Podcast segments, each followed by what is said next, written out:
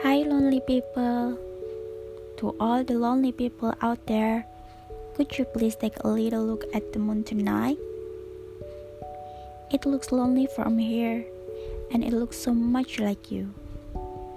The moon might be lonely, but it still shines bright and so beautiful. So do you. You might be lonely, but you can still do your thing and shine bright and beautiful.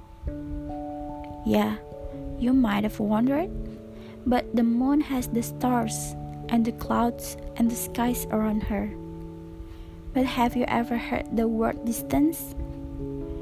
Have you ever felt the loneliness in the crowd? And I had to be repetitive. But the moon still does her thing, and you should too. And I really cannot wait to see you shine bright and beautiful just like the moon.